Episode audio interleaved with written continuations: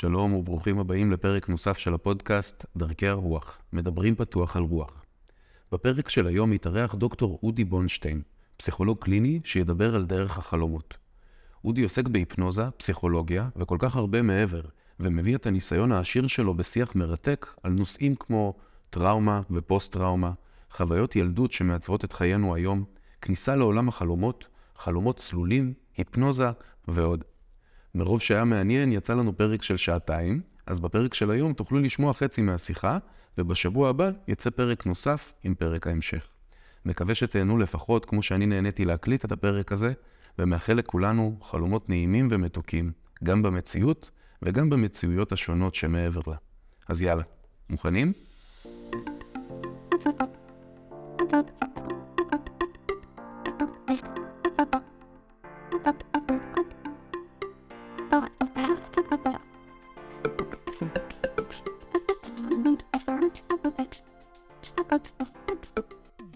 אהלן אלכס, איזה כיף שאתה מארח אותי כאן, תודה רבה. כיף שהגעת. אז ככה ישר נצלול, תגיד, אתה עוסק במלא תחומים, נכון? בהיפנוזה, במוזיקה, בחלומות, בפסיכולוגיה. בקראטה. בקראטה גם. ואתה בן אדם אחד. כן. השאלה איך זה מתחבר כל זה. יש לי כל מיני צדדים, כן? יש לי כמה, כמה אנשים בתוכי. אה, זה מתחבר, זה מתחבר טוב. אני חושב שראוי שאנשים יהיו רב, אה, אה, רבי צדדים באישיותם. וסתם אנקדוטה משעשעת, כשאני אה, מראיין אנשים לעבודה, לעבוד אצלי בשירות הפסיכולוגי, אז אה, אחרי כמה מילות נימוסין ומספרים מה הם למדו ואיפה הם התמחו ומה הניסיון שלהם, אני עוצר ואני שואל, ומה חוץ מפסיכולוגיה? איזה דברים יש חוץ מפסיכולוגיה? ובעיניי זה אחד הפרמטרים החשובים ביותר. זאת אומרת שיש תחומים נוספים מעבר למה שמגדיר אותך מבחינת מקצוע, ואני מקווה שאני גם חי ככה, שאני חי לפי העיקרון הזה. יפה. אז מה אתה עושה בעצם? תספר לנו קצת. אה, אני פסיכולוג במקצועי, פסיכולוג קליני ורפואי, ואני אה, הפסיכולוג הראשי של המרכז הרפואי לגליל, אה, שם אה, יפה לבית החולים בנהריה, ויש, אני עובד שם במחלקה מיוחדת במינה, באמת משהו יוצא מן הכלל, שאין אין הרבה כמוהו בארץ, ובטח לא בעולם, כן? או אולי בסדר הפוך, אין בעולם ובטח לא בארץ. זה מחלקה פסיכיאטרית לילדים ונוער, זה נקרא מחלקה להדרכת הילד והמשפחה, מקום באמת, באמת מיוחד במינו, בעיקר בגלל העובדה שיש שם המון המון חשיבה פסיכולוגית. יש במחלקה 20 פסיכולוגים, שזה כמעט כמו מספר המטופלים שמאושפזים שם. וואו. והמון חשיבה פסיכולוגית, המון השקעה בטיפול ובאמת עבודה אחד על אחד עם המטופלים, שזה זה תענוג ממש מיוחד. אמ, אני גם מוזיקאי, אה, בוגר. בוגר תואר שני של האקדמיה למוזיקה ומחול בירושלים. נספר רגע לצופים שבחדר פה ליד, יש מה קונטרבאס, איזה 30 גיטרות כן. חשמליות, עמדת אה, סינתיסייזרים, כן. כן, תופים, כלי... חדר המשחקים. כן, זה, כן, זה המקדש. כן, שם אני מבלה את אה, אה, רוב זמני הפנוי. אני גם עוסק בספורט, מאסטר בקראטה, וואלה, וכן, ועוד ועוד. לא חסר. כן, כיף. אוקיי. ואת כל זה עשית בזמן אה, היפנוזה. את כל זה, אני חושב שבדיעבד, היום כשאני אה, מומחה בתחום של ההיפנוזה, אז אני יודע שמצבים היפנוטיים, אה, אני יצרתי כבר מ- מגיל מאוד צעיר. למעשה, לדעתי, מפורמלי, היפנוזה פורמלית, אני עשיתי מבית ספר יסודי. יש לי הפרעת קשב מיוחדת כזו, ש... אה, שלי מאוד מאוד ממוקד, אבל חריג במוקדיותו, ושלוש דקות לתוך uh, הרצאה, אני כבר לא שם. ובכיתה א', uh, הגעתי, הגעתי לכיתה א' כבר קורא, ומהר מאוד התחלתי להשתעמם בבית הספר, והייתי uh, קורא את המקראות, את האלפוני ומקראות ישראל שהיה בזמננו, uh, והפכתי את זה לשיטה. זאת אומרת, יש לי ערוצי קצב, קשב מפוצלים, ובדיעבד, uh, היום אני יודע להגיד, מההיבט המקצועי, שזה בעצם מצב סמי-היפנוטי שהייתי בו במהלך uh, ימי בית הספר. שמה זה בעצם ערוצי קשב מפוצלים? זה מצב שבו אה, התודעה שלי עובדת אה, במקביל, כאילו מאבדת כמה, כמה וכמה ערוצים. אני צריך איזו מידה מסוימת של, אה, כן, של גריעה נוירולוגית, כדי ש, שאני ארגיש בשקט, שאני ארגיש רגוע. ו... אני מניח שלא מעט אנשים יזדהו עם... אני כל כך מזדהה איתך. כן, למשל, כן. למשל, כמה ספרים אתה קורא במקביל? יכול, יכול הרבה. אז אני בטבעי, אם אפשר היה לראות פה את השולחן שלי, יש לי ערימות של ספרים, ובכל זמן נתון פתוחים שניים או שלושה ספרים במקביל. כן. אה, וזה מרגיש לי נוח, זאת אומרת, אני עובר מאחד ל... זה נוח, אני זוכר, זה ממוקד, ויותר קשה לי כשאני עובד רק עם uh, נושא אחד. Um, ואפילו אני אלך אחורה יותר, uh, אני חושב שרוב הילדים, כן? אני אומר את זה בדיעבד, בחוכמה של בדיעבד. רוב הילדים באופן טבעי נמצאים במצבים היפנוטיים uh, מדי יום, uh, כשהם משחקים. זאת אומרת, משחקי דמיון, משחקי כאילו, pretend play. זה מצב שהוא עונה לכל ההגדרות של מצב היפנוטי. Uh, הילד נכנס לעולם דמיוני משל עצמו, משוכנע שהדבר הזה קורה באמת, ויודע תוך כדי, בו זמנית, שזה משחק. Mm-hmm. זאת אומרת, כי אם זה, הוא לא יודע שזה משחק, אז הוא באמת היה סופרמן והוא היה קופץ מהחלון, הוא לא עושה את זה, יפה. כן? Uh, אבל הוא כן סופרמן, והוא רץ בחדר, ועף, uh, והוא מטוס, והבננה זה טלפון, ו... והוא משחק עם בובות, וזה חולה וזה רופא. זאת אומרת, לילדים יש את היכולת הזו לנוע אה, פנימה והחוצה מתוך עולמות אה, דמיון בצורה שנחווית מאוד מאוד מוחשית. כלומר, הם מעורבים מאוד ב, בעולם הדמיוני, שזה מה שאנחנו עושים במצב ההיפנוטי, זה מה שאנחנו עושים בהיפנוזה. אז אה, למעשה אני מניח שזה לא רק אני, רוב האנשים יודעים מה, זו, מה, מה זה מצב היפנוטי מתוך החוויה היומיומית, ואני uh, משכתי את זה לכיוונים ממש מקצועיים, לתחומי עניין אקדמיים ו... וקליניים. יפה. אז בעצם מאיפה הגיע העיסוק בחלומות?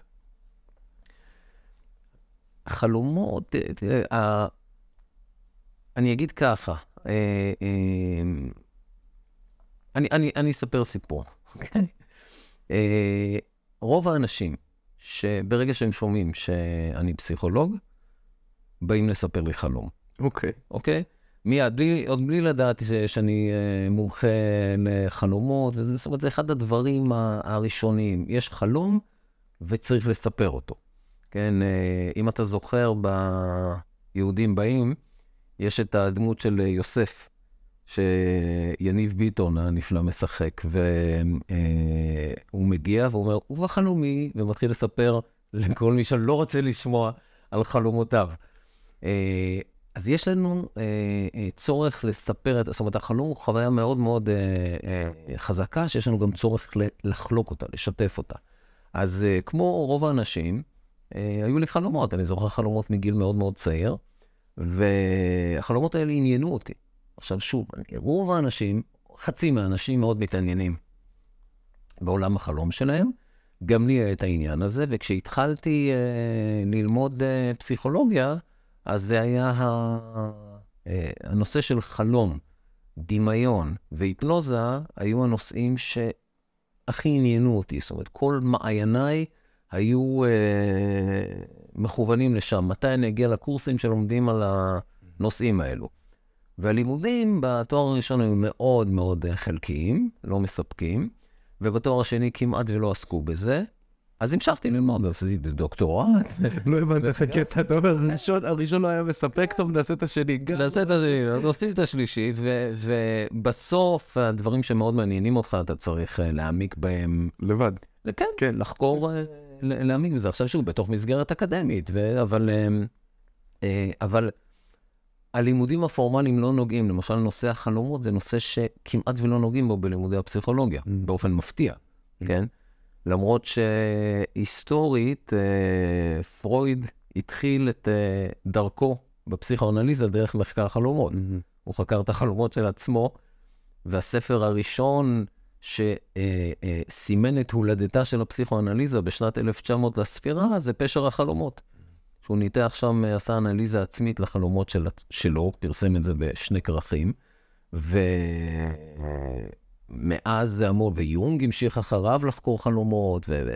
זאת אומרת, זה תפס המון uh, מקום בכתיבה של תחילת הפסיכואנליזה, ולאט לאט פינה uh, את מקומו, ובימינו אנו כמעט ולא לומדים את זה. אני, אני פוגש אנשי מקצוע שלא יודעים בכלל לעבוד עם חלומות. עובדים אינטואיטיבית, אבל לא יודעים לעבוד עם זה בצורה מתודית. ו... יפה, אז בעצם העניין שלך הוביל אותך לשם ללמוד את זה לבד, ואז מה, מה משך אותך בעצם להיכנס ככה לצלילה הזאת שאתה חווה בחלום? אה, אחד הנושאים שמאוד מאוד מאוד משכו את אה, ליבי זה הנושא אה, של חלימה צלולה. חלימה צלולה זה היכולת, תוך כדי חלימה, לדעת שאתה חולם. בהגדרה, בזמן חלום אתה לא יודע שאתה חולם. זאת אומרת, זה, זה אחת ההגדרות של חלום. זו התרחשות שאתה לא מודע להיותה התרחשות דמיונית בזמן התרחשותה. רק בדיעבד, כשאתה מתעורר, אתה יודע שחלמת. כאילו המודעות לא נמצאת שם. המודעות אה, היא, היא, היא אחרת. זאת אומרת, אתה, אתה, יכולים לקרות דברים מאוד מאוד מוזרים בחלום, ואתה מקבל אותם. זאת אומרת, בזמן החלימה אתה מקבל את זה. אם אתה זוכר, היה סרט של כריסטופר נולן, אינספשן, uh, חלה. כן. ושם הם uh, היו נכנסים, בסרט הם נכנסו ללא מודע של אנשים לחלומות שלהם, והם היו גונבים משם רעיונות, פושעים. ומחדירים גם חלומות. כן, אז, אז הסרט היה שביקשו מהם לעשות משהו הפוך, להחדיר רעיון ל... ל אה, לאדם, שנדמה לי זה היה איזה סיפור שהוא ירש המון כסף, הם רצו שהוא ימכור את, ה... ימכור את החברה, אבל שהרעיון צריך לנבוט במוחו כאילו זה רעיון שלו. והם נכנסים לו לחלום, ו... והרעיון הוא להגיע למצב שבו מערכות ההגנה לא יזהו, מערכות ההגנה הנפשיות לא יזהו ש... שמדובר במשהו uh, חריג. כן, אז הם כל הזמן צריכים אה, לנוע במקום שבו כל המוזרות שבחלום עדיין תהיה בתוך הטווח שלא מאיר את האדם. כאילו גם בחלום יש טווח שאתה אומר, אוקיי, משהו פה לא, לא מסתדר לי במציאות. אה, כן, אבל זה יכול להיות מאוד, הטווח הזה מאוד מאוד רחוק. Mm-hmm. זאת אומרת, ברוב הפעמים אה, אתה תתעורר, נניח, מרגש מאוד מאוד חזק, ולא בגלל המוזרות של החלום. תתעורר מפחד, למשל, בקפיצה כזאת של, של בעתה. אה, אבל אה, ברוב המקרים, בזמן החלימה, הכל, הכל מתקבל, הכל נראה בסדר. אתה אה, יכול להיות עם שבע אצבעות ביד, ואתה יכול פתאום להיות ילד, ופתאום להיות בוגר, ולהיות בוגר וילד באותו זמן, ולעוף, וזהו, הכל נראה בסדר. בחלום צלול, זה, זה, המקרה הוא שונה, יוצא דופן, במובן הזה שתוך כדי חלימה, אתה יודע שאתה נמצא בחלום.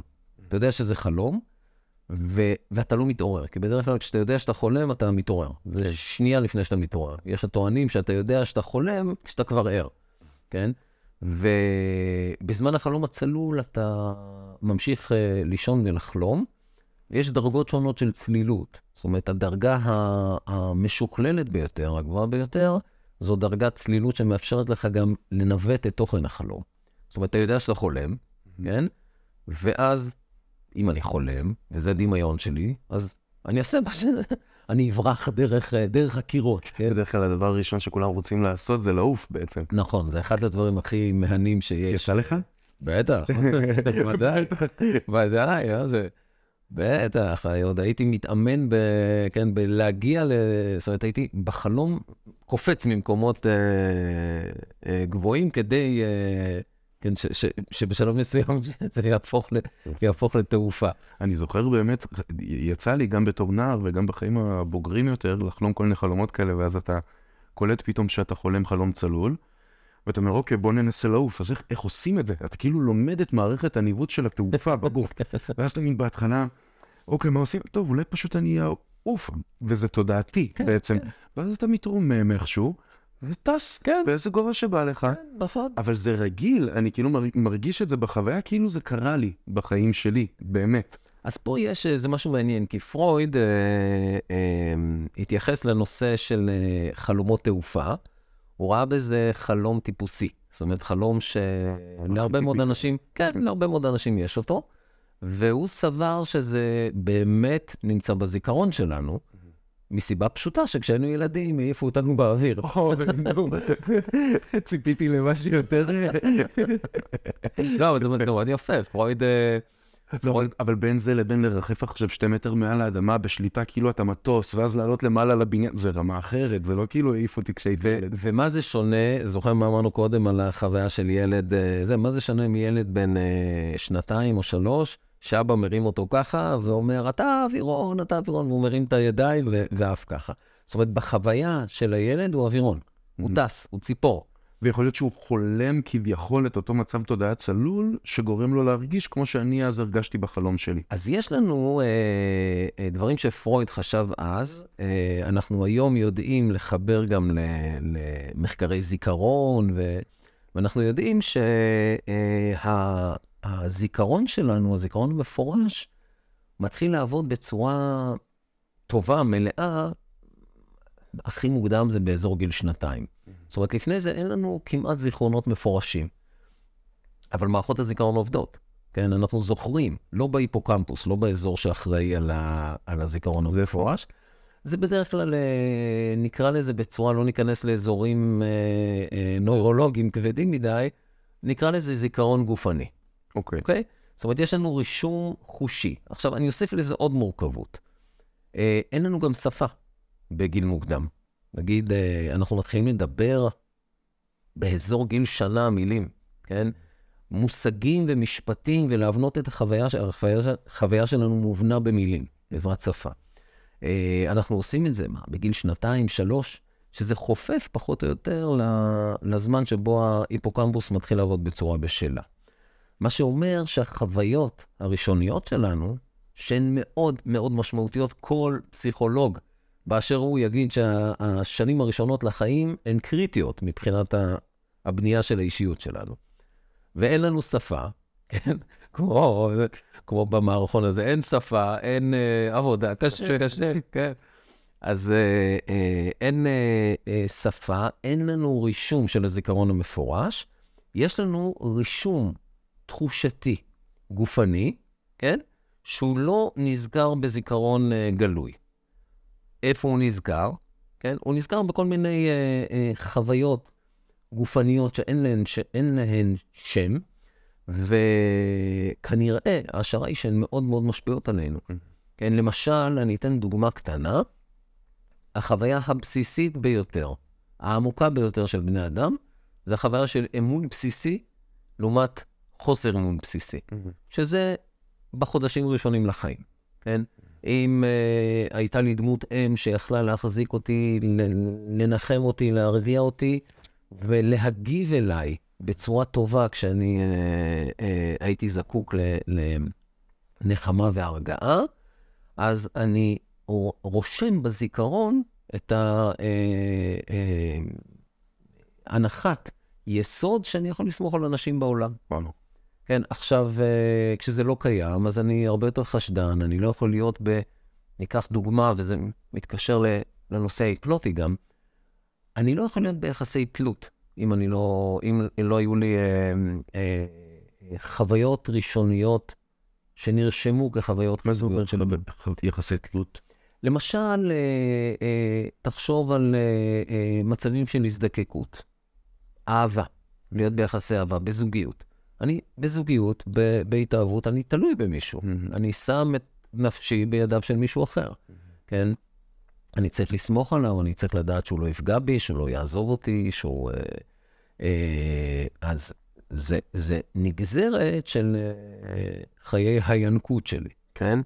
אה, בהיפנוזה למשל, אה, יש מצב שבו אני נדרש לאפשר, להתמסר, לתת למישהו אחר לערסל אותי אה, במילותיו, כן? וזו חוויה שיכולה להיות או מאוד מאוד נעימה, באמת להחזיר אותי ל, ל, ל, באמת לחוויה החושית הראשונית הזאת של אה, היותי תינוק שמוחזק בידי אימא, וזה יכול להיות מאוד מפחיד, כי אם אני לא יכול לסמוך, ואם לא יהיו רגישים כלפיי, ואם אה, אה, לא יענו לצרכים שלי, ואם אה, יפקירו אותי, או יפגעו בי, או, או יזניחו אותי, זה מאוד מפחיד. ואז אה, אה, יכול להיות שאני אזהר מאוד ולא רוצה להיכנס למצבים שמצבים רגרסיביים, כאלו שאני מרפה, מאבד שליטה. כאילו החלומות באיזשהו מקום, הכניסה למצב ההיפנוטי, המצב הזה של המודעות האחרת, זה דורש הרבה trust, הרבה אמון, והרבה גם אה, יכולת לשחרר באיזשהו מקום. כן, אני חושב שבמקום של החלימה, זה אני, אני ואני. כאילו, זה, זה אני ועצמי. אז uh, שם יותר קל להרבה אנשים. זה כמו um, שהקורונה עשתה מאוד מאוד טוב להמון אנשים שסובלים מחרדה חברתית, כי נהיה לגיטימי, חברתית. בדיוק, נהיה לגיטימי להיות מאחורי המסך. לא צריך ללכת לבית הספר ולא צריך זה, ואפילו טיפולים, טיפולים פסיכולוגיים, כן. נעשו, נעשה לגיטימי שעושים אותם בזום.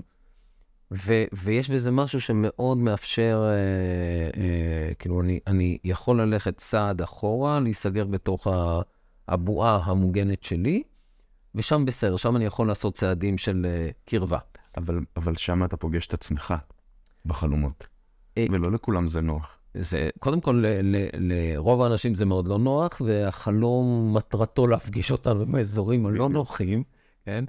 ובגלל זה, נגיד, ההנחה הדינמית אומרת שזו הסיבה שיש לנו לא מודע, וחלום זה אחד מהביטויים של הלא מודע. זה מעין אה, דרך שהלא מודע מביא את עצמו אלינו בצורה מוסווית. יש פה איזו פשרה. אני אביא לך את התוכן בצורה שלא תצטרך לגרש אותי. אז אני אביא את זה מוסמל, אני אביא את זה בצורה ככה אה, מעודנת, ו... אה, אבל אנחנו הרבה פעמים מתעוררים עם, אה, כן, עם תחושות שמראות לנו שיש שם משהו מאוד, מאוד מהותי, מאוד רציני. דברים שמפחידים אותנו, דברים שמרגשים אותנו, דברים שמאיימים עלינו, מעוררים בנו אשמה, קונפליקטים. כן, זה תכנים, כן. תכנים חשובים. ממש, של עבודה פנימית אמיתית. כן, כן. חלום זה עבודה. חלום זה עבודה פנימית. כן. זה כמו טיפול עצמי כזה. ולפעמים אתה אומר, אני לא רוצה ללכת לעבוד בלילה, אני רוצה לישון, אבל לפעמים אתה קם אחרי לילה של חלומות שכאילו עבדת, נכון? יש חלומות כאלה שלפעמים, כמו אתה נתקע על עבודה. יש איזו בעיה שאתה צריך לפתור, או איזו משימה שאתה צריך לבצע, וכמו החלום חוזר על עצמו, בך מבצע את אותה משימה שוב ושוב ושוב ושוב עד אינסוף, עד שאתה מתעורר, וזה באמת מכלה את הכוחות, ממש, את הכוחות הנפשיים. כן, זה, זה סוג אחר של חלומות, וזה פחות אה, פרויד, זה יותר, אה, אלך 40-50 שנה אחרי פרויד. זה אה, גישה שאומרת שבזמן ה, בזמן החלימה אנחנו ממשיכים לאבד אה, אה, מידע ש, שעסקנו בו במהלך היום. זאת אומרת, זה לא בהכרח רק חומר לא מודע, כמו איזה פלט נפשי כזה של אה, שארית, כן, נכון? כן. שארית עיבוד. המש, המשך עבודה, פשוט המשך עבודה. עכשיו זה, אה, אני מאוד יכול להתחבר לזה, כי, כי אה, אני, אתן, אני אתן כמה דוגמאות. אה, כשאני, אה, אה, אני אתן שתי דוגמאות. דוגמה אחת זה שבאחד הספרים שכתבתי, אה, היה, כתבתי ספר ב-2014 על, אה, על היפנוזה. ספר מורכב מאוד, מלא פרקים, 24 פרקים, ו- וגדוש ועמוס בנושאים, ולא לא הסתדר לי הרצף של הספר. רציתי לעשות אותו בצורה, ספר, זה לא מאמרים, זה, זה צריך להיות יצירה, חתיכה אחת. וזה לא, לא הסתדר, לא, משהו שם לא הסתדר לי, והייתי עסוק בזה מאוד. זאת אומרת, ממש, אתה יודע, זה, זה יום ולילה ישבתי על הדבר הזה. כבר היו לי את רוב הפרקים, ו... ולילה אחד חלמתי, חלמתי על המבנה של הספר. והמבנה של הספר הסתדר לי בצורה גרפית. כן, כמו ה... אה, הסיפור על קקולה שמצא את, אה, מצא את נוסחת, אה, נדמה לי הבנזן זה היה, הסתדר לו, הסתדר לו בצורה גרפית בחלום, זה זז לו בצורה מרחבית. אז הסתדרו לי החטיבות של הספר, והתעוררתי, רשמתי את זה, כאילו, ידעתי שעליתי על משהו, רשמתי, ו... עכשיו, סיפור אחר ש... שהיה לי, זה ש... בזמן לימודי המוזיקה שלי, הייתי, היו פעמים שהייתי מאוד מאוד עסוק ב, ביצירות מסוימות. תזמורים, ו... וחלמתי, חלמתי את זה. עכשיו, חלמתי יצירות שלמות. חל... אני לא יודע אם זה יצירות שלי או יצירות של זה, רובן נשכח ממני, אבל חלקן, אני התעוררתי עם מנגינה, והתעוררתי לפעמים עם מילים. וכשהייתי מספיק לרשום את זה או להקליט את זה, אז זה היה יוצא מזה יצירה, הייתי על הבסיס הזה בונה, בונה דברים. יש לי שיר אחד שהקלט, הוא מוקלט, הוא, הוא קיים, כן? שכולו, מתחילתו ועד סופו, הגיע לי בחלום. וואו, איך הוא נקרא? אה... אה התקלת אותי, אני לא זוכר. אוקיי, נוסיף בתגובות של הפוסט. יפה. כן, אני, אני אתן לך קישור שלו. אז כן. יש לי פה שאלה בשבילך על מה שסיפרת. כן. החוויה הזאת שאתה מספר. שמעתי כל מיני אומנים, מוזיקאים בעיקר, שמספרים ממש את אותה חוויה. קמתי בבוקר, היה לי לחן, היה לי מנגינה, היה לי איזשהו קונספט, לפעמים יצירה ממש בנויה, ואני שואל מה מקור הידע. האם הידע הוא ידע שפשוט חומר גלם שהתגבש לו בחלום והתחבר לאיזו יחידה אחת, או שהחלום פותח אותי למצב תודעה שאני יכול לקבל מסרים מסוימים, כמו שקרה להוא שגילה את הנוסחה של הבנזן, זה הזמן של האנושות לקבל את זה, זה הזמן של... ו- ואולי זאת הדרך בעצם לקבל איזשהו ידע שהוא יותר ידע מעטפת. אז, אז אני, אני אגיד לך שני דברים סותרים, ובשניהם אני, זאת אומרת, אה, אני, אוהב, את עצמי. אנחנו כן. בדרכי הרוח, זה ככה עומד. אה, אני מאמין שרוב הידע, אני אגיד ככה, אני אגיד את זה מוחלט. כל הידע הוא ידע פנימי. אני לא מאמין שמגיע ידע מאלוהים או מבחוץ, כל מה שמגיע, זה מגיע מבפנים, אה, והחלום או כל מצב מודעות אחר, אה, כמו היפנוזה, כמו מדיטציה, כמו סמים, כן? זה בעצם מאפשר לי אה, להסתכל על זה מגבהים שונים ולאפשר מאפשר לדברים שהם לפעמים בפריפריה של המודעות שלי להתחבר בצורות אחרות. ואנחנו אנשים אה, מי יותר מי פחות, אבל אנחנו כבני אדם יצירתיים, והמוח שלנו הוא כל הזמן אה, אה, יוצר קשרים חדשים אה, בינו לבין עצמו, ואנחנו לומדים, וחלימה, אה, היפנוזה, מדיטציה, זה מצב שמאפשר, כן, שינויים ב-level שבו אני מסתכל על הדברים האלו. Having said that, mm-hmm. כן? במוחלטות. יש... כן, במוחלטות. אז יש uh, uh, ממצאים לזה שמצבי אה, אה, מודעות הם גם משותפים. Mm. ואני אני, אני אלך בכמה, בכמה רמות. הרמה הפשוטה זה שכשאני עושה סדנה היפנוטית, או כשאני עושה סדנת חלומות, כן? ואני יושב עם uh, קבוצת אנשים, זה יכול להיות שעה אחת, זה יכול להיות ארבעה ימים ברצף או retreat. מה, אתה מהפנט כן? אותם ביחד? כן, כן, עושה... במשך ארבעה ימים? כן. אוקיי. יש כנסים אה, של, אה, כנסים של אה, פסיכולוגים או של מאפנטים, ששם אנחנו עושים עבודה, כן, טכניקות היפנוטיות, ועם אותה קבוצה אני עובד במשך כמה ימים ברצף. ונוצר שם מעין לא מודע קולקטיבי, חברתי קבוצתי כזה, שמתחיל להגיב הוא נהיה ישות בפני עצמו. מה זאת אה, אומרת?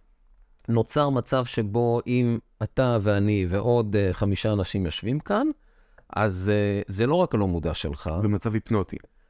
היפנוטי, או כשאני עובד עם חלומות, גם עם חלומות, כשזה לא מצב היפנוטי. זאת אומרת, ב- ב- האמת היא שזה קורה גם בכל תהליך קבוצתי, כן, למשל, אה, על, ה, על הבסיס הזה אה, אה, נשענת גישה שנקראת אנליזה קבוצתית של פוקס. הגישה הזאת אומרת שקיימת איזו מטריצה לא מודעת, אה, מצע, רשת לא מודעת בין האנשים השונים, ואם אנחנו שמים אליה לב, אז זה, זה, זה מקבל נוכחות משל עצמו. וכולם מגיבים, לה, כולם תורמים לדבר הזה ומגיבים אליו. כשאני עובד עם, אה, אה, עם היפנוזה, אני, נהיה, אני בעצמי נהיה מאוד מאוד אה, מרוכז וקשוב, גם אני נכנס למצב היפנוטי, ואני פשוט מרגיש את הדברים האלו, אני קולט אותם. עכשיו, אפשר מאוד בקלות לשים על זה כותרות מיסטיות, כן? שמאניות, וזה זה לא. זה, יש לזה הסברים מאוד פשוטים, זה גם ברמה העצבית, יודעים לזהות את זה היום. יש כוונון מאוד גדול, כן? זה כמו מעין אמפתיה מאוד חזקה ש, שמתרחשת, ואני קולט דימויים, כן? שהגיע אה, אה, בשפה הפסיכואנליטית, זה נקרא הזדהות השלכתית, כן? Mm-hmm. אתה חווה משהו מסוים, אני מרגיש אותו אצלי, כאילו זה רגש mm-hmm. שלי. אבל הוא נובע ממני, זה מה שאתה אומר, כן, הזדהות זה, השלכתית. זה, זה שלך, זאת אומרת, זה רגש שלך, בדרך כלל זה רגש שהוא הוא, הוא לא מודע לך, אה, כי, כי קשה, מסובך, מורכב, או שאתה עוד לא ער לו, כן? אני, האנטנות שלי מאוד מאוד uh, רגישות, פתוחות עד הסוף, כן? אני קולט את זה, אני מרגיש את זה אצלי. מבחינתי, בגישה שלי, שאני מאמין בה, אני לא, זה לא עושה את ההבחנה שלי שלך, זה לא משנה לי, כן? אני מהדהד אותך, אתה מהדהד אותי, כן? ועולים אצלי דימויים, שזה התהליך ההיפנוטי. דימויים ויזואליים. כן, okay. אוקיי. ויזואליים או תחושתיים, אפילו לפעמים סומטיים, לפעמים זה, זה גופני. תחושתי, כן. בשפה הפסיכואנליטית יש לזה גם ביטוי, זה נקרא רברי, שזה מעין חלימה בהקיץ. זה, זה, זה מצב היפנוטי שהם לא רוצים לקרוא לזה היפנוזה בפסיכואנליזה, אז הם מציעים לזה שם אחר. אבל זה מצב היפנוטי. ומה שאני עושה, חלק מהמיומנות המקצועית שלי, זה לקחת את החוויה הזו ואת הדימויים האלו, ולהעלות אותם לרמה של אה, המשגה, לתת להם מילים. דיברנו קודם על תינוק שאין לו מילים. כן. אני עושה את התהליך הזה של לתת לזה מילים ומשמעות, ואז אני אה, אה, יכול להציע את זה, להגיד את זה. כן? אה, עכשיו, אה, הרבה פעמים זה, זה מאוד מדויק. זה נראה כאילו החוויה שאני שומע מהאנשים זה, וואי, קראת את המחשבות. אמרת את זה בדיוק לפני שחשבתי שחש... לפני שאמרת, או משהו כזה. זה לא, זה, זה קורה ביחד, וזה תהליך... אה, עכשיו, אה, אה, אה, התופעה הזאת היא תופעה שקורית הרבה פעמים חזק מאוד בתוך קבוצה, כן? ואני ארחיב את זה עוד יותר, זה יכול לקרות גם בתוך חברה. זה יכול לקרות גם בתוך אוכלוסייה מאוד גדולה. ויש אה, אה, ענף בחקר החלימה שנקרא חלימה, מטריצת חלום חברתי, חלימה חברתית, שעושים אה, תחשוב, אולי גם אתה יכול ליישם את זה. מדהים. עושים את זה בארגונים, בעבודה עם צוותים למשל. Uh, מתחילים לדבר על חלומות, אנשים מספרים חלומות וזה, ומתחילים להגיב באסוציאציות. אודי, על סטארט-אפ, אני אומר לך. לא, זה אחי. זה קיים. זה קיים וזה מאוד כיף. בזמן הקורונה עשיתי התערבויות כאלו עם הצוותים uh, הרפואיים בבית החולים שלי.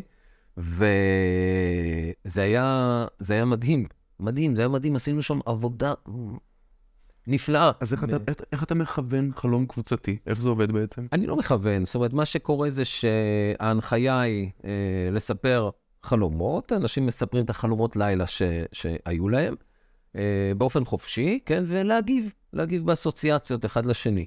עכשיו, מהר מאוד נוצר הלא מודע הזה שדיברנו עליו, ובשלב מסוים, אחרי צריך לתת לזה מספיק זמן של עבודה, לא להפריע לתהליך, כן? כמה כמנ... זה מספיק זמן? אה, בערך, אה, אני יודע מה, נגיד אה, משהו כמו שעה, 40 okay. אוקיי. דקות, שעה, זה, זה צריך, אה, צריך לשקוע בדרך כלל, זה צריך להיווצר. זה כאילו הישות הקבוצתית כן, צריכה להירקם כן, לה, כן, אוקיי. כן, ואנשים צריכים להתחיל להרגיש בטוח, לוקח זמן עד שמפשירים, עד שזה, ואז בשלב מסוים זה נהיה אתה, אתה רואה את הדבר הזה קם ו, ונוצר ב... יש לך איזה דוגמה לספר? אה, הרגעים האלה שהם כבר ממש ככה של הקולקטיב, ואז פתאום איזה... כאילו, מה עולה שם שהוא של כולם ביחד? אה, למשל, אני זוכר, אני זוכר, אה, אני לא, אני לא אספר פרטים וזה, כי, כן. יש חיסיון אה, טיפולי, זה בתוך המסגרות של עבודה טיפולית. אבל אני זוכר למשל משהו מאוד מאוד חזק שעלה אה, סביב אחת הקבוצות שעשיתי במהלך הקורונה, של, אה, שהדבר המרכזי שעלה שם זה תחושות אשמה מאוד מאוד גדולות. ו, ופחד מאוד גדול, ש, שזה היה סביב החרדה הנוראית, הרי היה, אתה זוכר, עד לא מזמן היו ימים שהסתובבנו עם מסכות ומיגונים, ווואי, וזה היה נורא, כאילו, מלאך המוות הגיע עם... ובתי חולים הושבתו, ומחלקות עבדנו לפי אה, אה, קפסולות, ואסור היה להיפגן. נורא ואיום, חרדה נוראית.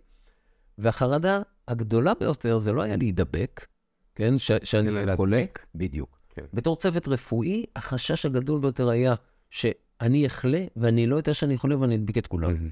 ואם אני אדביק את כולם, המחלקה שלי לא עובדת. עכשיו, עם הדבר הזה אנשים הסתובבו.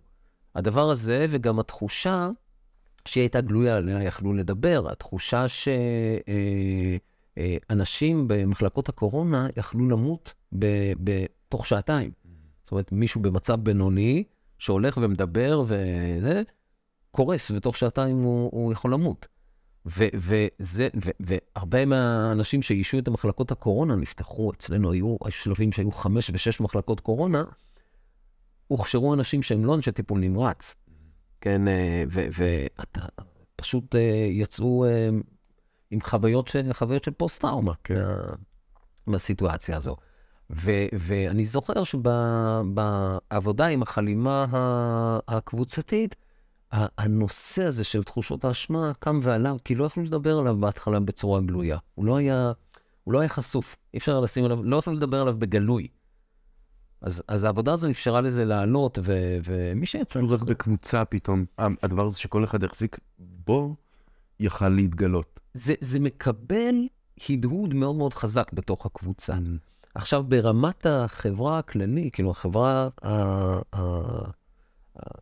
הגדולה, אתה יודע, רמת יבשת וזה, אז גם הקורונה זה דוגמה אקטואלית ו- ומעניינת, ולדעתי גם עכשיו, סביב ענייני המחאה והזה, והפיצול שיש ב- ב- בארץ, יכול להיות שגם זה אה, אה, יקבל ביטוי ב- בחלומות.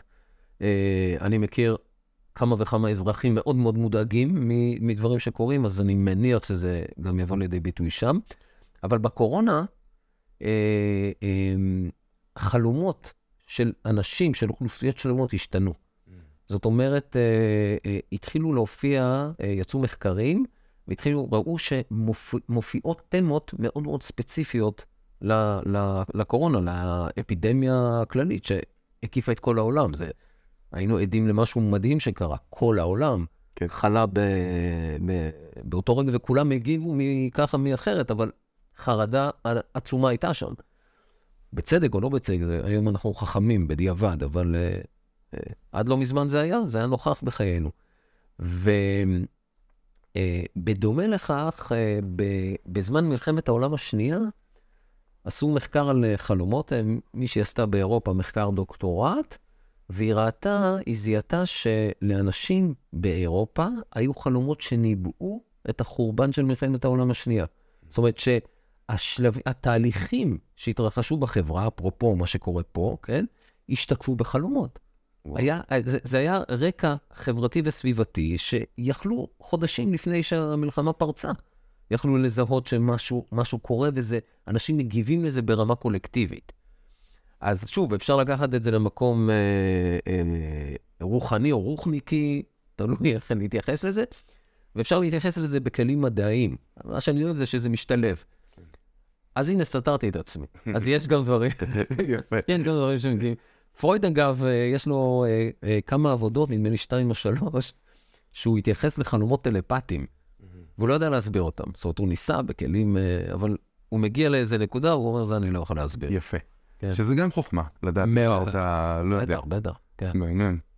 ותגיד, אם בן אדם רוצה להגיע לחלום צלול, הוא יכול לעבוד על זה? או שזה כן, משהו כן. שספונטנית? כן, כן, אפשר לעבוד על זה, ויש, אמ, אני אעשה לעצמי promotion קצת, אה, אמ, שים קישור ב... בוודאי. אה, פרסמתי לפני שנתיים ספר בשם חולם מלא, בהוצאת פרדס, והספר אה, נותן אה, תמונה, שוב, אין הנחתום אמור להעיד, כן, אבל אני ניסיתי לתת שם תמונה מאוד מקיפה על נושא החלומות, ובסופו של הספר, החלק האחרון שבו, זה מדריך של אה, אה, צעד אחרי צעד, של בערך שבעה צעדים, שבהם אני מנסה להוביל את אה, מי שמעוניין בכך להגיע לחלימה צלולה. כן, אה, קראתי לספר חולה מלא, כי מבחינתי חלימה מלאה זה בעצם להגיע לצלילות הזאת. אבל בדרך יש כמה שלבים שצריך לעבור, למשל אה, הגברת הזיכרון לחומרי חלום, הגברת הזכירה. אחד המחקרים שעשיתי במהלך הכתיבה, הראה שהמשתנה שקובע הכי הרבה את כמות הזכירה של החלומות, זה מידת העניין שלך בעולם הפסיכולוגי. זאת אומרת, אה, אם אתה מתעניין בפסיכולוגיה של עצמך, מן הסתם אתה יותר מכוון לחלימה ואתה זוכר יותר חלומות. כי כולם חולמים. אנשים אומרים, אני לא חולם בזה, זה לא ש... לא זוכרים, כן. אבל חולמים. חולמים כמה פעמים, אה, חמש או שש חלומות, חלומות כאלה גדולים, של... ובאמצע יש עוד כל מיני uh, רסיסי חלום, שלבים uh, שהם לא מוגדרים כחלום מלא, בלי עלילה וזה, אבל הם כן חלומות. ומשם uh, עוברים uh, כמה וכמה שלבים, שבחלקם uh, uh, למשל אני uh, מגביר את היכולת uh, uh, להבין את המשמעויות ה... הלא מודעות של החלום, לעשות מעין עבודה פרשנית עם עצמך, כאילו יש כמה דרכים לעשות את זה, ולהגיע למצב שבו בזמן חלימה אתה יודע שאתה חולם, ועל רמת צלילות הגבוהה ביותר שאתה יכול לכוון את, ה, את החלום. אז יש uh, כמה שיטות, uh, נגיד שתי קטגוריות של, של טכניקות. הטכניקה האחת uh, עוסקת בבדיקת מציאות. אתה מכיר את. הדבר הזה? קצת. אה, עם הידיים, עם שעון. כן, ידיים, שעון, טלפון. אבל אולי תספר כן. קצת, כי זה מעניין. אני כשנתקלתי פעם ראשונה אמרתי, זה שינה לי איך אני תופס את המציאות, כאילו המציאות. כן. ממש. כן, אז ההנחה, ההנחה היא שאנחנו, בגלל שאמרנו שהגדרת החלום אומרת שאני לא מודע לעובדה שאני חולם, אז בעצם יכול להיות שעכשיו אנחנו חולמים. או אתה חולם אותי, או אני חולם אותך. יכול להיות שאנחנו עכשיו בחלום בעצם. איך אנחנו יודעים שלא? אנחנו צריכים לעשות בדיקת מציאות, כן? ובדיקת המציאות אנחנו נעשה עם אה, דברים שאנחנו יודעים שבחלום הם משתנים. שבחלום הם... אה, זה, אני יודע לזהות שם מוזרות. בעצם אני מחפש, אה, בדיקת המציאות עוזרת לי לחפש דברים ביזאריים שמשתנים בצורה לא הגיונית. במציאות הערה. אני עושה את זה כל הזמן. אוקיי. אני, ברגע שאני רוצה, זה, אני מגדיר לעצמי קריטריון. למשל, כל פעם שאני נכנס בדלת, כן, אני מסתכל ב... בכף היד שלי, סופר אצבעות, ומסתכל בשעון וקורא את הטקסט, ש... את השעה או את הטקסט שיש שם. במציאות הפיזית. כל פעם שאני עובר את הדלת. זה לא, אין מציאות, אני לא יודע אם זה מציאות או לא. וזה הטריק בעצם. כן. ככה אתה מעביר פעולה יומיומית כביכול כן, לתוך מימד. כן, ואז אני uh, יכול לזהות מתי, uh, מה זה, מה זה הדבר הזה, אין שעה כזאת, כן? כן? אז אני כנראה חולם. ועכשיו, אם אני חולם, השגתי צלילות. כן, אם אני יודע שאני עכשיו חולם, השגתי צלילות ואני יכול להתחיל לשחק עם זה. זה גישה מאוד נפוצה, אני ראיתי כתיבה עליה משנות ה-70, כאילו ש... אז אתה אומר, אחד להיכנס בדלת, לספור את כמות האצבעות. אצבעות, להסתכל בשעון, אה, לקרוא טקסט, אה, בטלפונים שלנו יש... אבל זה יפה איך שחיברת, אתה אומר, אני נכנס בדלת, מבצע בדיקת מציאות. כן. אני צריך לקשור מקרה עם בדיקת מציאות. כן, אחרת, אם אני אסתכל כל פעם, ב, ב, נגיד אני אגיד שאני מסתכל על השעה, על השעון, אבל יכול להיות שאני אעבור אה, זמן ולא אסתכל על השעון, כן? כן אז, אז שיהיה איזה קריטריון מציאותי. אני לא אוהב את הגישה הזו, כי היא באה על חשבון המציאות, כן? ואני מתחיל כל הזמן לפקפק ב... אני לא מת על זה. אולי זה טוב. לא, אני לא חושב שזה טוב. אוקיי. אני, אני חושב שאנחנו אה, צריכים לחיות במציאות, בכאן ועכשיו, כן? מאוד מאוד מחוברים לזה, ומחוברים לעולם הפנימי שלנו. לא על חשבון המציאות, כאילו, כן. אחרת, שוב, אחרת, אתה יודע, אז אני יכול להגיד, הפתרון של הסמים הוא פתרון טוב, המטריקס הוא אחלה פתרון. אני לא חושב שמטריקס זה פתרון, כן? לחיות זה פתרון, וכל מה שיש לנו בפנים וזה, זה בא להעשיר. את החוויה. הקטגוריה השנייה היא קטגוריה שאני יותר אה, אה, ממליץ עליה, אני אישית מעדיף אותה יותר.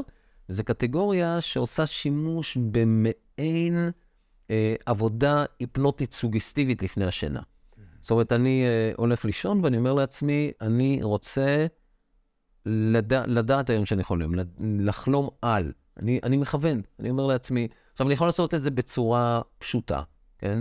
להגיד לעצמי, אני רוצה לחלום על, לא יודע מה, המאמר החדש שאני רוצה לכתוב, אני רוצה להזמין אה, איזו התייעצות חלום.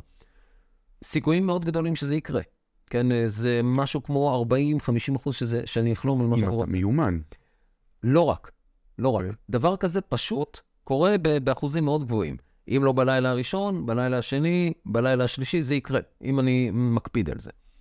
עכשיו, אני יכול לעשות יותר מזה. אני יכול להשתמש בממש ממש טכניקה היפנוטית. אם אני עובד עם מטופלים, כן, אני מלמד אותם להפנט את עצמם לפני השינה אמיתי, כאילו לא, לא בדימה, היפנות אמיתי. ו, ואז ה, היכולת לייצר אה, חלום צלול הרבה הרבה יותר גבוהה, כי יש לי יכולת לתת סוגסיות פוסט-היפנוטיות שישפיעו גם לאחר התהליך ההיפנוטי. אה, אבל זה כבר בתוך context טיפולי, וכשיש לזה מטרות uh, טיפוליות. אני אתן שתי דוגמאות שזה רלוונטי. המתבקש מאליו זה עבודה עם אנשים פוסט-טראומטיים, שיש להם סיוטים. אתה מגיע מאזור שסובל מפוסט-טראומה, נכון? יש, יש שם. אז, אה, אז עשו מחקר בבן גוריון על עוטף עזה, והראו שיש, זאת אומרת שחלימה צלולה עזרה להוריד סימנים פוסט-טראומטיים. והקטגוריה השנייה, ש... לא, לא, אני, אני טיפה בקטגוריה הראשונה עוד. ברגע שיש לי סיוטים, כן, אה, שקשורים לפוסט-טראומה, זה שונה מחלום אה, רגיל, שבו יש עבודה וזה, הסיוטים הם חוזרים על עצמם וכאילו לא מתקדמים לשום מקום. זה כמו תקלה, זה שריטה כזאת, חוזרת שוב ושוב. ואז הרבה פעמים אנשים אה, פוחדים לישון, ואז נוצרת גם אינסומניה, הפרעת שינה. יש הפרעת שינה, אז יש כבר בעיות נוספות, שכאילו זה, זה הולך ומחמיר. Okay. אוקיי. וברגע שאדם לומד, למשל, להעיר את עצמו, אה, בזמן, בז... לפני שהסיוט מגיע לשיאו, הוא יכול לחזור, הוא, הוא לא מפחד לישון. Mm-hmm. הוא יודע שהוא יוכל להתעורר, הוא לא יצטרך לעבור שוב ושוב ושוב את, ה, את הדבר הנורא הזה. ותאר לך שהוא גם יכול לשנות את החלום. זאת אומרת שהוא יכול להתמודד אחרת עם החלום. לקחת אותו למקום אחר, אז אתה כבר בוא'נה, עשית פה משהו שמציל אותו. זו עבודה כן, מדהימה. כן, כן. אז זו דוגמה מאוד מאוד מתבקשת מאליה. ואני אתן דוגמה נוספת, ששם אה, זה, זה הרטבת לילה, ילדים עם הרטבת לילה. אה, יש מקרים שבהם הרטבת הלילה היא תוצאה של שינה עמוקה מדי. כן, הילד, אה, אה, לא כל הרטבות הלילה, צריך לעשות הבחנה מבדלת, לראות שזה זה. יש ילדים שהם ישנים עמוק, והם צריכים לעשות פיפי, השרירים אה, אה, רפואיים, ואין להם את החלק הזה במודעות שאומר, וואלה, אתה צריך פיפי, תתעורר, לך לשירותים. כן. אה, ואז ב, בעזרת היפנוזה אני מייצר להם משהו כמו בחלום צלול, אני מייצר להם חלק מתבונן, שנשאר, כביכול נשאר ער, ואומר להם, אה, צריך להתעורר, ומאיר את כל המודעות, כן? אומר להם uh, שצריך לקום, ללכת, או לסגור את הברזים כמו שצריך, כן, להתאפק, או אם צריך לקום, למשל פוחית התמלא, אז uh, לקום וכן, וללכת לשירותים. ואיך מתעוררים בעצם? איך מתעוררים? כן, שאתה אומר לילד עכשיו שאתה מתנה אותו בהתעוררות כשהוא מגיע. Uh, אני, ברגע שאני מייצר uh, מודעות כזאת, אז... כאילו זה מה שהמודעות יודעת כן, לעשות, אתה אומר. כן, אתה תחשוב, אה, אתה בטח זוכר, אה, לא יודע, לפני טיול שנתי, שמאוד התרגשת וזה, היית מתעורר אה, בזמן, כן? כן. או ששמים שעון מעורר ומתעוררים דקה לפניו. כן. אז יש לנו, יש לנו, היה לך פרק על תחושת זמן, נכון? יש לנו איזו תחושת זמן פנימית שהיא קשורה לחלק המודע שלנו. כן, כי תחושת זמן היא, היא משהו גבוה. זה לא משהו, אין לנו, בלא מודע אין לנו תחושת זמן.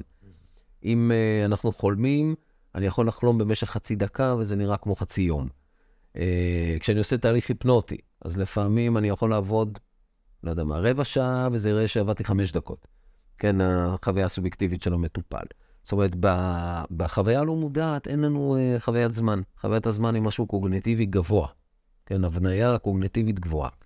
וגם כשאנחנו ישנים, ויש שליטה מאוד מאוד uh, גבוהה של תהליכי חשיבה ראשוניים, יש מצבים שעדיין התהליכים הגבוהים הללו עובדים. כן, ו- ועובדה שיש בי חלק שנשאר מודע לזמן שחולף, שאמרנו, לא, זה לא חוויה לא מודעת, זה חוויה גבוהה. ומעיר אותי דקה לפני השעון. כן? אז זה קורה לי כל הזמן. אני שם שעון, ואני יודע שאני אני מתעורר לפניו, אני מתעורר דקה לפניו. כן. כי אני מסתכל בזה, אני רואה את ה... אני רואה את השעון, אני מחבר אותו לפני שהוא מצלצל. ויש בעצם את המצבים שבן אדם אה, חולם, מודע לזה שהוא חולם, ואז הוא יכול לנצל את החלום לטובתו בעצם, נכון? כי הוא נמצא במצב מודעות אחר, שיש שם כלים שלא זמינים במצב הרגיל. לגמרי, אני אה, אה, חסיד גדול של... אה, לעבוד בלילה. כן, זאת אומרת, שוב, לעבוד בלילה זה המשך לעבוד ביום. כן. זה...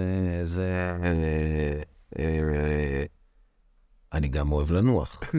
בוא, בוא, אני לא כל היום רוצה לעבוד, כן? יש לי את החדר. יש חלומות נופש כן. וחלומות אה, עבודה. כן, כן, אבל יש בעבר, היו